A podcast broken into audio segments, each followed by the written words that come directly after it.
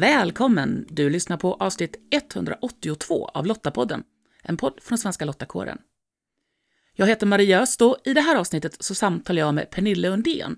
Hon är flottiljchef på F16 och vårt samtal det handlar om hennes erfarenhet av att vara kvinna i Försvarsmakten, som ju än så länge är en mansdominerad arbetsplats, och hur hon som chef jobbar med att stärka jämställdheten på sitt förband.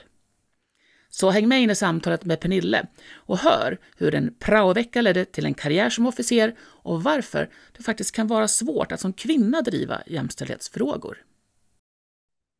Pernille, välkommen till Lottapodden. Tack så mycket. Berätta lite kort, vem är Pernille? Pernille är eh, idag en eh, 53-årig kvinna som har jobbat i Försvarsmakten drygt 30 år och har gjort varierande befattningar genom eh, åren i Försvarsmakten. Och idag sitter jag som chef för det nyetablerade Upplands flygflottilj F16 i Uppsala. Och vad var det som gjorde att du valde en karriär i Försvarsmakten? Jag har nog alltid varit eh, som tjej väldigt intresserad av att göra det som känns lite utmanande. Eh, det som har varit lite, ja men som har kanske varit lite annorlunda för just tjejer att göra. Så ganska tidigt så bestämde jag mig, ja men antingen så vill jag bli polis eller så vill jag bli militär. Utan att veta egentligen någonting om Försvarsmakten, för ingen av mina föräldrar har jobbat inom Försvarsmakten eller gjort lumpen. Eh, men då bestämde jag mig när jag var 15 år, när jag skulle genomföra prao, att det ville jag göra på ett militärt förband. Och fick då möjlighet att eh, under en veckas tid vara med på I12 i Eksjö. Och klä mig i uniform och jag fick skjuta k-pist och jag fick marschera och sova i kasern och bädda säng och allt det där. Och sen så när jag var 18 år så sökte jag till flygvapnets sommarkurs som var i Norrköping. På den tiden hade vi en flygflottilj i Norrköping som hette F13. Och efter det, de tre veckorna på sommaren, då sa jag, det här vill jag fortsätta med.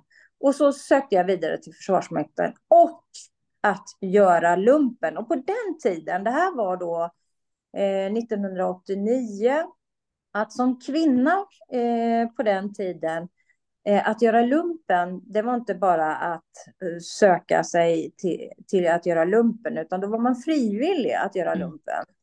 Och då bestämde jag mig för det och då var jag tvungen att bli försökande till officersprogrammet. Men det gjorde jag och mönstrade och fick då en placering på F21 i Luleå att göra lumpen där. Ja, just det, för 1980 så öppnades ju möjligheten för kvinnor att söka frivilligt. Precis, och om jag kommer ihåg rätt så 89 då öppnade man de allra sista yrkena, så nu var det fritt fram för kvinnor att söka Exakt. allt. Exakt. Mm. Och jag vet då när jag var 18 år, för jag var ju då på den här sommarkursen 88 och skulle då mönstra eh, året därpå. Och då vet jag att man sa till mig att det var tre kategorier som vi inte kunde söka och det var till att bli stridspilot och det andra var att bli ubåtskapten och det tredje eh, var att bli eh, jägare. Eh, och jag vet då när jag var 18 så tänkte jag, men då kanske jag, jag ville ju bli pilot, men då var det fönstret stängt. Mm. Och sen vet jag att när jag mönstrade så, så sa de så här, nej men alltså vi tycker att du ska söka till stridsledning och luftbevakningssoldat. Och jag visste inte så mycket så, så sa jag, ja men det låter bra. Och så blev mm. det så. Mm. mm. Och jag tänker, vad är det som du gillar med ditt yrke?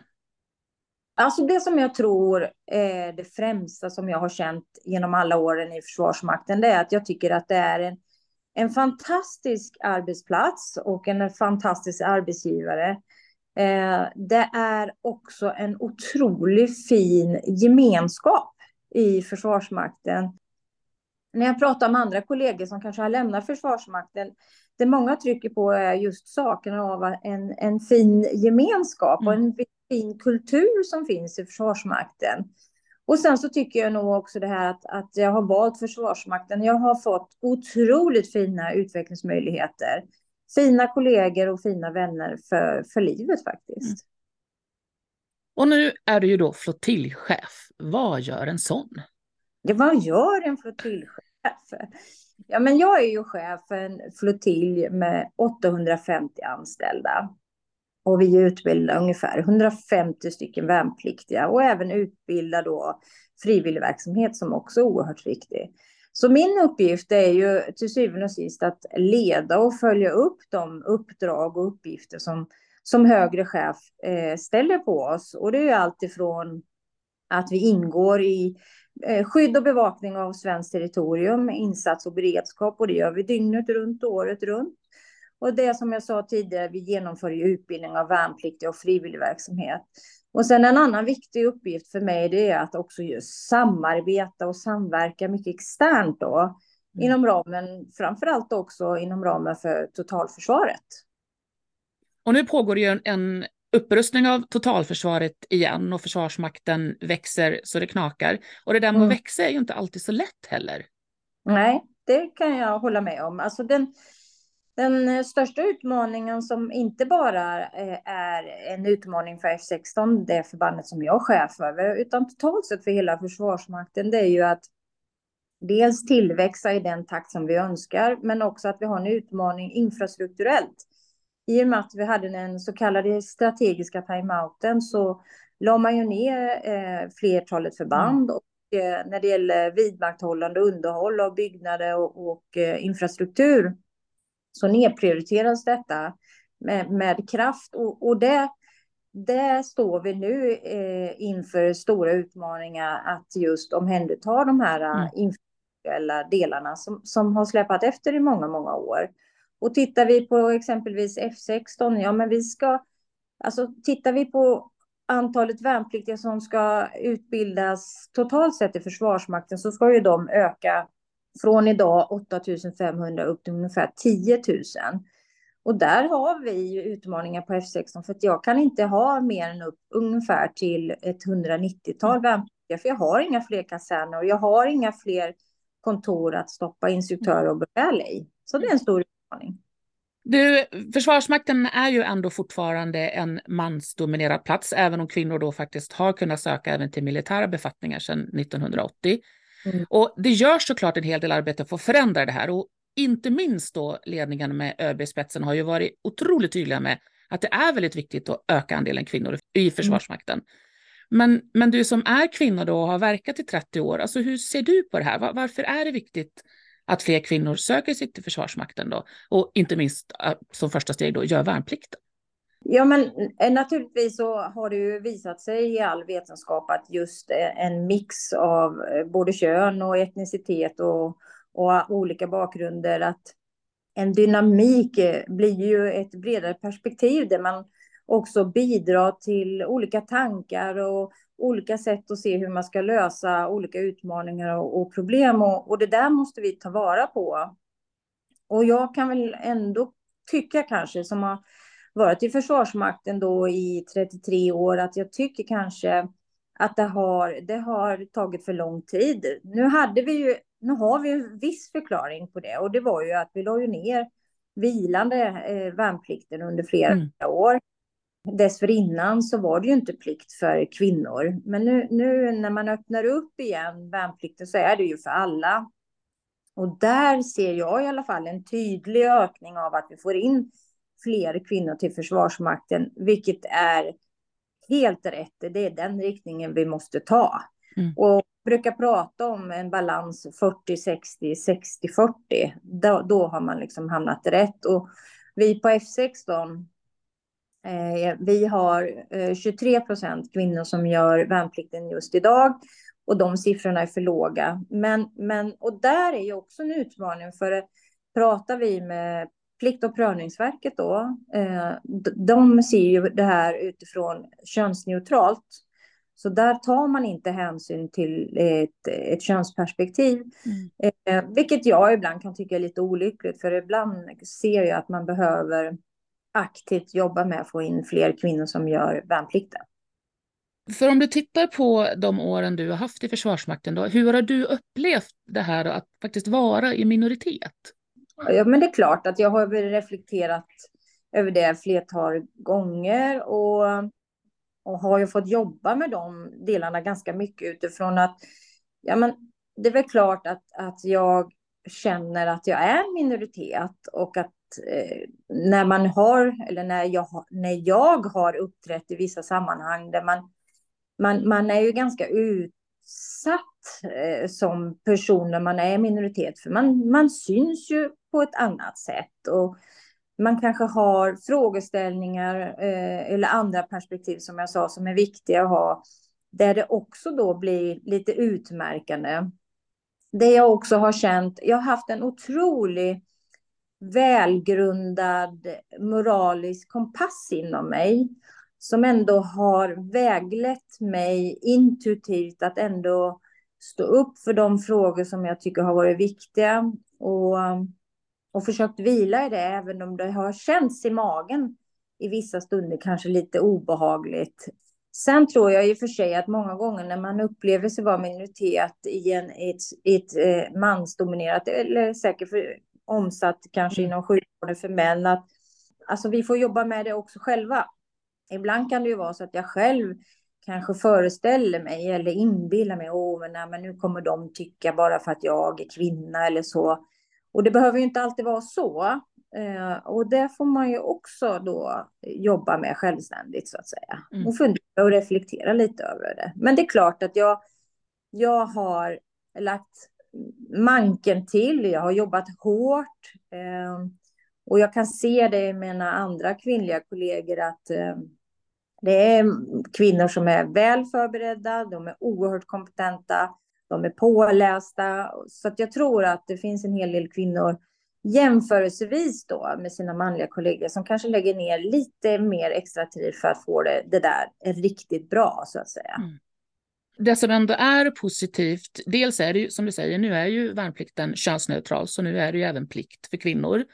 Ja. Och sen är, har det ju ändå de senaste fem åren är ni ju ett antal kvinnor som har klivit upp på höga poster och syns på ett helt annat sätt mm. också. Mm. Tänker det blir ju en väldig signal också till andra kvinnor att, att det mm. är faktiskt möjligt. Det var det som jag pratade med dig inledningsvis innan vi började den här intervjun. Att eh, jag vill gärna vara med i de här olika sammanhangen. Att eh, stå upp och, och visa vägen för de yngre kvinnorna som kommer. Eh, för att eh, det känner jag också är en del av eh, min uppgift som hög chef och kvinna. Att, att coacha nu eh, våra yngre kvinnor att visa att det går att göra karriär som kvinna i Försvarsmakten.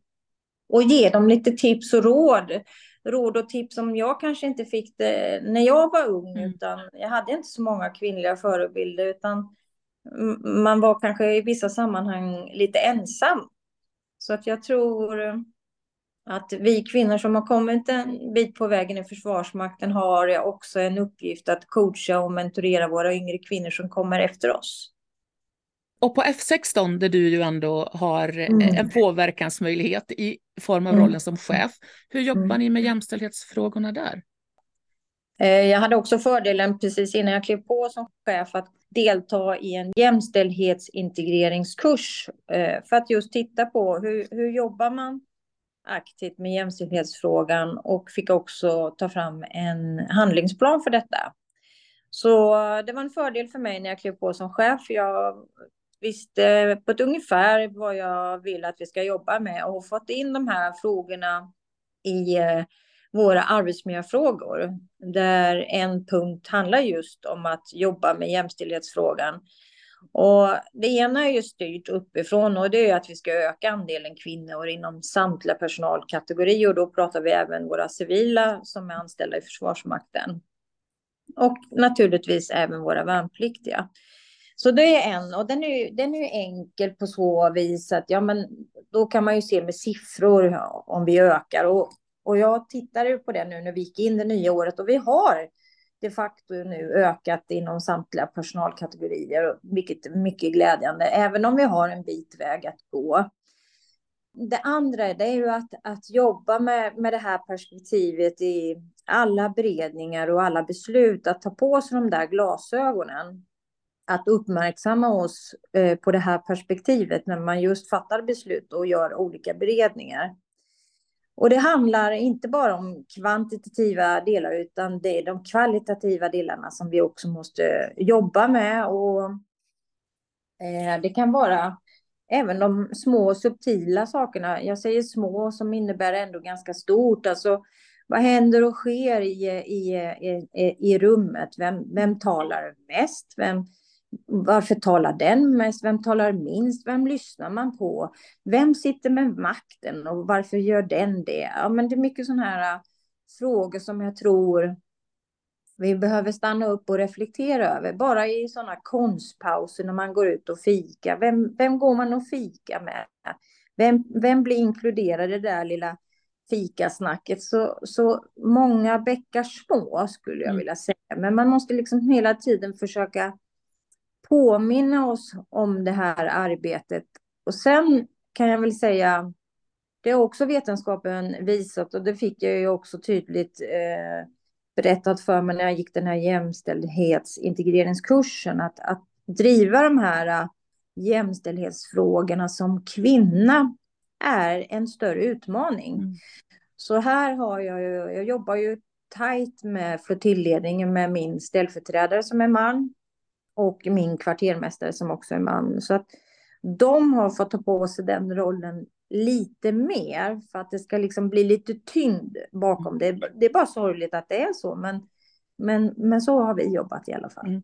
Ja, det blir ju lite moment 22 där i, ja. i det hela, liksom, tyvärr. Mm. Men jag, jag, tänker att, att man får ju hitta vägarna framåt då för att komma mm. framåt tills det är den där 60, 40, 40, 60 ja, precis. tipping mm. pointen. Liksom. Exakt. Men följa upp och liksom hela tiden så att det blir som en, en, en naturlig del i vårt mm. arbete. Så att liksom inte det ska bli... Alltså, lyckan är ju om vi inte ska behöva ha några handlingsplaner. Mm. Att, vi liksom, att det är en naturlig del. Eh, det är väl det som är önskemålet tycker jag. Mm. I januari, februari så ska ju nu då de som, ska, de som fyller 18 år i år, 2024, mm. de ska ju då lämna in sitt mönstringsunderlag. Yeah. Och förhoppningsvis så är det ju fler eh, tjejer som nu ändå känner att det här vill jag göra eller jag kan tänka mig nu mm. när eh, det ändå är några år som man har haft på sig och har hört om det här. Men vad, vad skulle du vilja säga till dem som, som tvekar lite? Eh, de som tvekar lite så, så, finns det ju väldigt mycket information att hämta. På de flesta förband så finns det ju en rekryteringsofficer eller eh, rekryteringsassistenter på förbanden, som kan svara på frågor. Det finns mycket att söka på nätet. Men, men framför allt, jag tror den här, den här kanske lilla tveksamheten, nah, men det, det ska vara macho, nej det kanske blir för tufft och hur ska det här gå? Att liksom ta den här äh, steget, att våga ta den där utmaningen. För någonstans så klarar vi mycket mer än vad vi tror från början. Mm. Och det här att, att komma in och göra lumpen, att man sätter på en tung ryggsäck och ska gå tre mil. Ja, men så, så är det ju inte, utan man gör ju en, en successiv ökning när det gäller belastning och man får ju grunderna och sen så ökas det ju på. Det är ju inte att det förväntas att, eh, att du ska vara den bästa och snabbaste och starkaste. Det är inte så. Och sen så tror jag också mycket man klarar det mesta för att det sitter i huvudet. Bestäm det där inne så kan du nästan klara allting. Mm. Jag kan lova dem där ute, till alla er som lyssnar, som skulle kanske men tvekar lite. Gör inte det, bara kör, bara kör och ta utmaningen, för ni fixar det, jag lovar. Har jag fixat det? Jag var 1,66, vägde 50 kilo, jag klarade den utbildningen och det kommer ni också göra. Alla vi andra då? Hur kan vi hjälpa till att just uppmuntra kvinnor att, att söka sig till Försvarsmakten? Som jag också sa tidigare, varför jag också har trivts väldigt bra i Försvarsmakten, det är ju att, att jag tycker att det är en fantastisk arbetsgivare eh, som erbjuder otroligt eh, bra kompetensutbildning på även som specialistofficer, som eh, taktisk officer, inom frivillig verksamhet, inom eh, soldatverksamhet. Så man får bra förutsättningar för att genomgå en, en, en fin utbildning, fin karriärsmöjlighet finns i Försvarsmakten. Framförallt så tycker jag också det som jag pratar om, att eh, man erbjuds en otroligt fin gemenskap och kamratskap med, med stora möjligheter för utveckling och breddning inom många olika områden. Och på någon, något sätt så, det som jag upplever också när jag pratar med de värnpliktiga där ute, är ju också att det vi gör också i Försvarsmakten, det, det är ju faktiskt på riktigt. Mm. Vi är i en sån säkerhetspolitisk situation. Vi ska gå med i NATO och det, det är ju också som försvarsberedningen har skrivit eh, att det är ju allvarstid som vi befinner oss i. Och där jag upplever att även civila som söker sig nu till Försvarsmakten, man vill bidra. Man vill bidra till att värna om den demokrati som vi har skapat så fint här i Sverige. Mm. Pernille, tack så jättemycket ja. för att du ville vara med och berätta om dina erfarenheter och inspirera tjejer att bli del av Försvarsmakten. Och lycka till med arbetet på F16. Men tack så mycket och tack för att jag fick delta. Ha det jättebra. Tack så mycket. Att ändra på en ojämställd arbetsplats är såklart inte gjort på en handvändning, men visst kan det kännas något frustrerande ibland att det inte går snabbare. Men som Pernille säger, det gäller att jobba systematiskt och hitta knepen som gör att frågorna blir en del av vardagen. Och jag hoppas att du som funderar på om värnplikten är något för dig, tar till dig det som Pernille säger, att bara kör, anta utmaningen. Lästips relaterat till det vi samtalat om i det här avsnittet det hittar du på lottapodden.se. Lottapodden den är producerad av Svenska Lottakåren och vi är en frivillig försvarsorganisation som engagerar och utbildar kvinnor som vill göra skillnad i vardag, kris och krig för att stärka samhällets beredskap och totalförsvaret.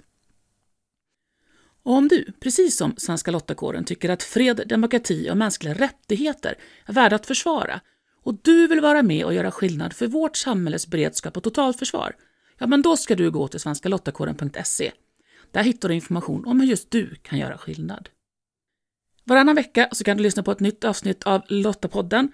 Om du inte redan gjort det, klicka på prenumerera-knappen i din poddapp så missar du inte något avsnitt. Och om du gillade avsnittet så dela det gärna med andra. Och tack för att du lyssnar. Hej så länge!